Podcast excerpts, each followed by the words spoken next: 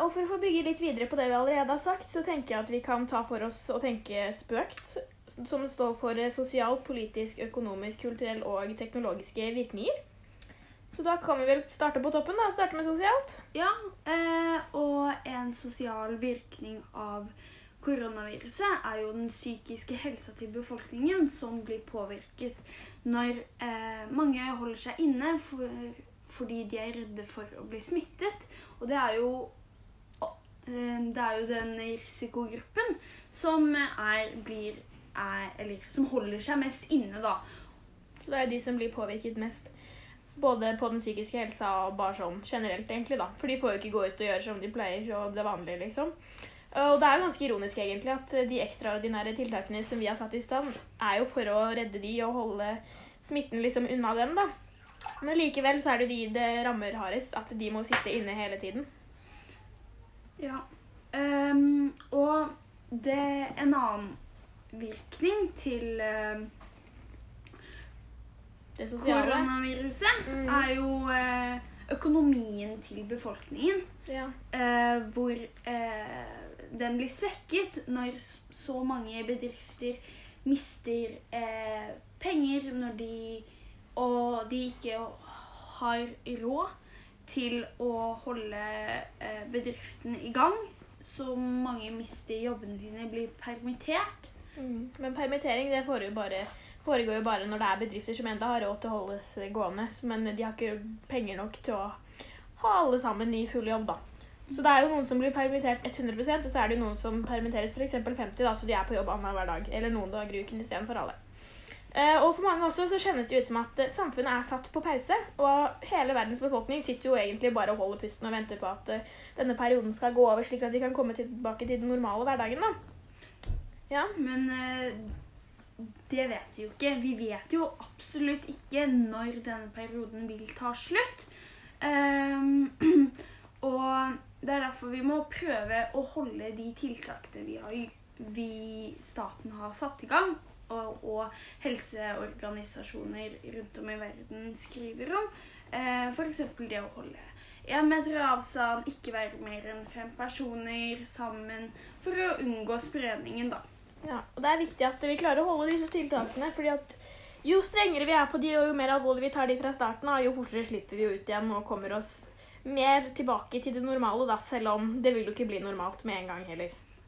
Og da kan vi jo fortsette på noen politiske årsaker, eller virkninger. Ja, og en politisk årsak, det er jo det at uh, når det er pandemier da, og slike her uh, hendelser som skjer, som kan være veldig skremmende, så er det jo de som leder landet, da, som har mest ansvar for å klare å holde befolkningen rolig og føle seg trygge. da. Og da er det f.eks. Uh, noen som får bedre resultater i valgkamper og sånn senere, med tanke på at de gjorde en så bra jobb under en slik pandemi, og de blir mer populære blant befolkningen. Mm. Og så er det andre som bare velger å kjøre det taktisk nå og bruke det som valgkamp istedenfor å klare å liksom beholde befolkningen rolig, da, istedenfor å og gi informasjonen som De faktisk trenger å vite, ja. da. Så for eksempel eh, Trump han har jo valgt å kjøre valgkamp, og han ser man jo at kanskje ikke har helt full kontroll på hva som skjer, da. Og han forteller jo ikke det de vil høre. Nei. Um,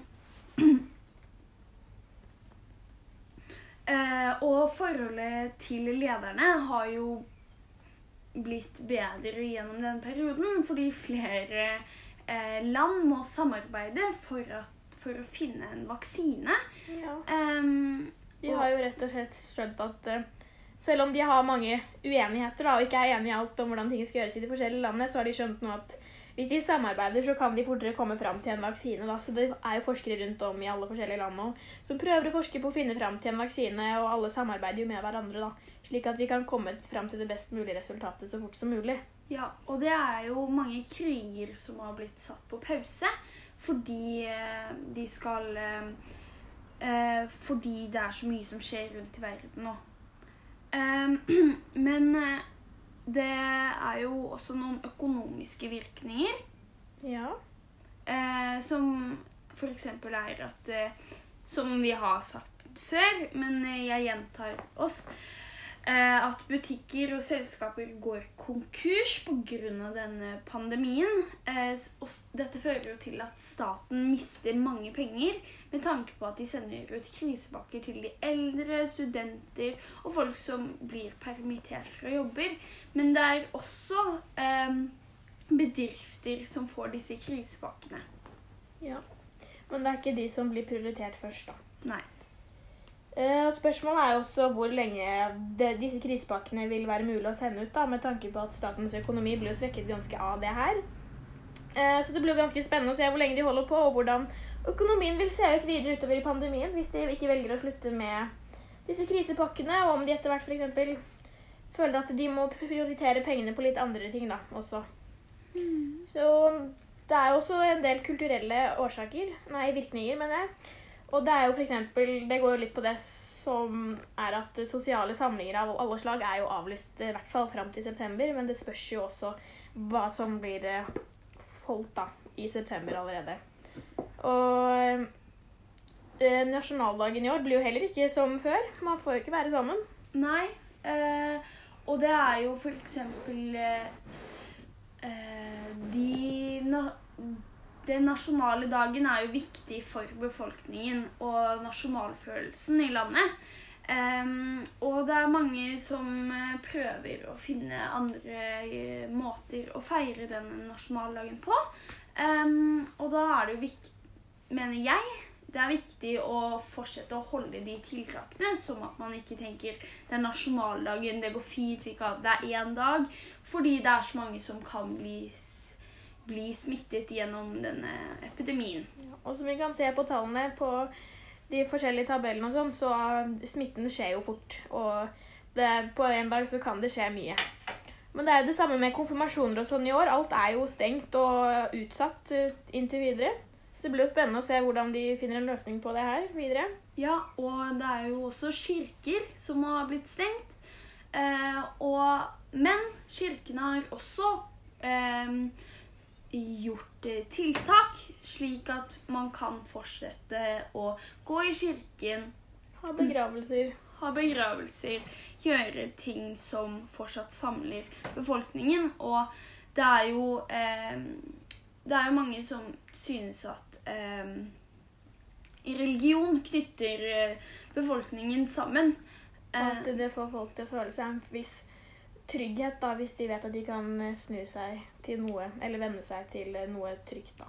Ja, eh, og da er det jo viktig at de forskjellige eh, eh, kulturhusene eh, holder åpne, men har tar i bruk tiltak, da. Ja. Men også er det også en del teknologiske virkninger som har eh, blitt påvirket en del. Og det er jo annet det at barn og unge rundt om i hele landet og land nå sitter jo hjemme med hjemmeskole, hvor det blir ekstremt mye bruk av PC. Så man får jo virkelig forbedret og utvidet eh, dataferdighetene sine. Noe som kan komme veldig godt med senere. Ja, eh, og teknologieksperten Magnus Brym fra selskapet Coxit. Sier at koronasituasjonen i løpet av noen uker har flyttet oss tre til fem år frem i tid teknologisk. Og det er jo helt sykt å tenke på. Ja, og, men på noen på enkelte områder har den eh, blitt eh, fly, har vi kommet veldig langt. Um, og jeg, er, sier, jeg sier meg veldig enig i um, det Bryn sier. Eh, og jeg tror at vi vil fortsette å øke denne teknologifremgangen. Eh, ettersom at nye apper har blitt lagd, og jeg tror at etterspørselen eh, til disse appene vil bli større etter, eh, ettersom at etterspørselen øker i land. Ja.